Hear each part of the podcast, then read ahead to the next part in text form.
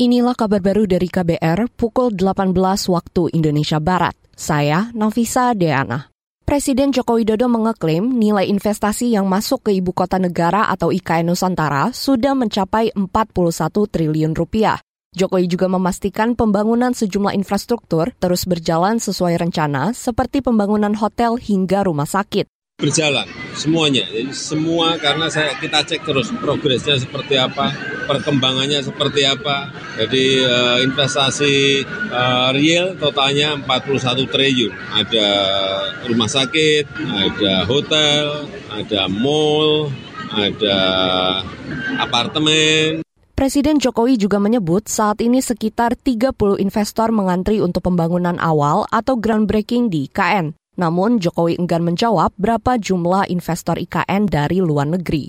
Sebelumnya, Badan Otorita IKN mencatat ada 10 perusahaan swasta yang melakukan groundbreaking. Kita ke informasi hukum. Kepolisian mencatat sepanjang tahun ini, Satuan Tugas atau Satgas Tindak Pidana Perdagangan Orang TPPO Polri telah menangani 290 perkara, Kapolri Listio Sigit Prabowo mengatakan angka tersebut meningkat lebih tiga kali lipat dari tahun sebelumnya yang hanya 66 perkara.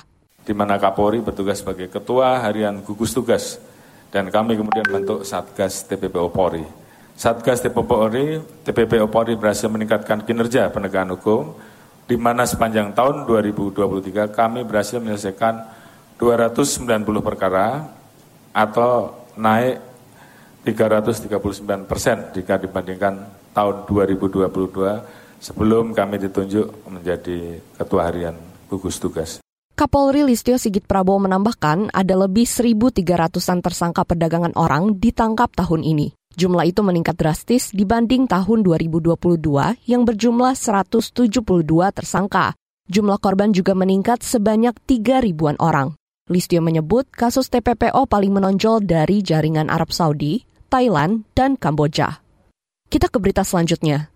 LSM Pegiat Hak Asasi Manusia Imparsial menyoroti kasus pembunuhan Munir Said Talib yang tidak mendapat perhatian serius dari Komnas HAM. Direktur Imparsial Gufron Mabruri mengatakan Komnas HAM belum bergerak serius menuntaskan kasus pembunuhan Munir sesuai kewenangannya. Komnas HAM yang diharapkan mereka menjadi institusi yang terdepan dengan kewenangan yang dimilikinya ya. Tapi hingga kini mereka tidak cukup, disampaikan tadi ya tidak cukup progresif ya dalam mengawal jalankan kewenangannya untuk uh, penuntasan kasus pembunuhan Cak Munir. Direktur Imparsial Gufron Mabruri mengatakan adanya hambatan politik yang menghalangi upaya pro justisia dari Komnas HAM. Kasus pembunuhan aktivis HAM Munir Said Talib kini hampir berusia 20 tahun namun belum terungkap jelas, terutama pengusutan otak atau dalang pembunuh Munir. Munir dibunuh pada 7 September 2004 saat melakukan perjalanan udara dari Jakarta ke Belanda. Tim gabungan pencari fakta menyebut Badan Intelijen Negara BIN tidak mau terbuka dalam proses penyelidikan kasus itu. Demikian kabar baru dari KBR, saya Nafisa Deana.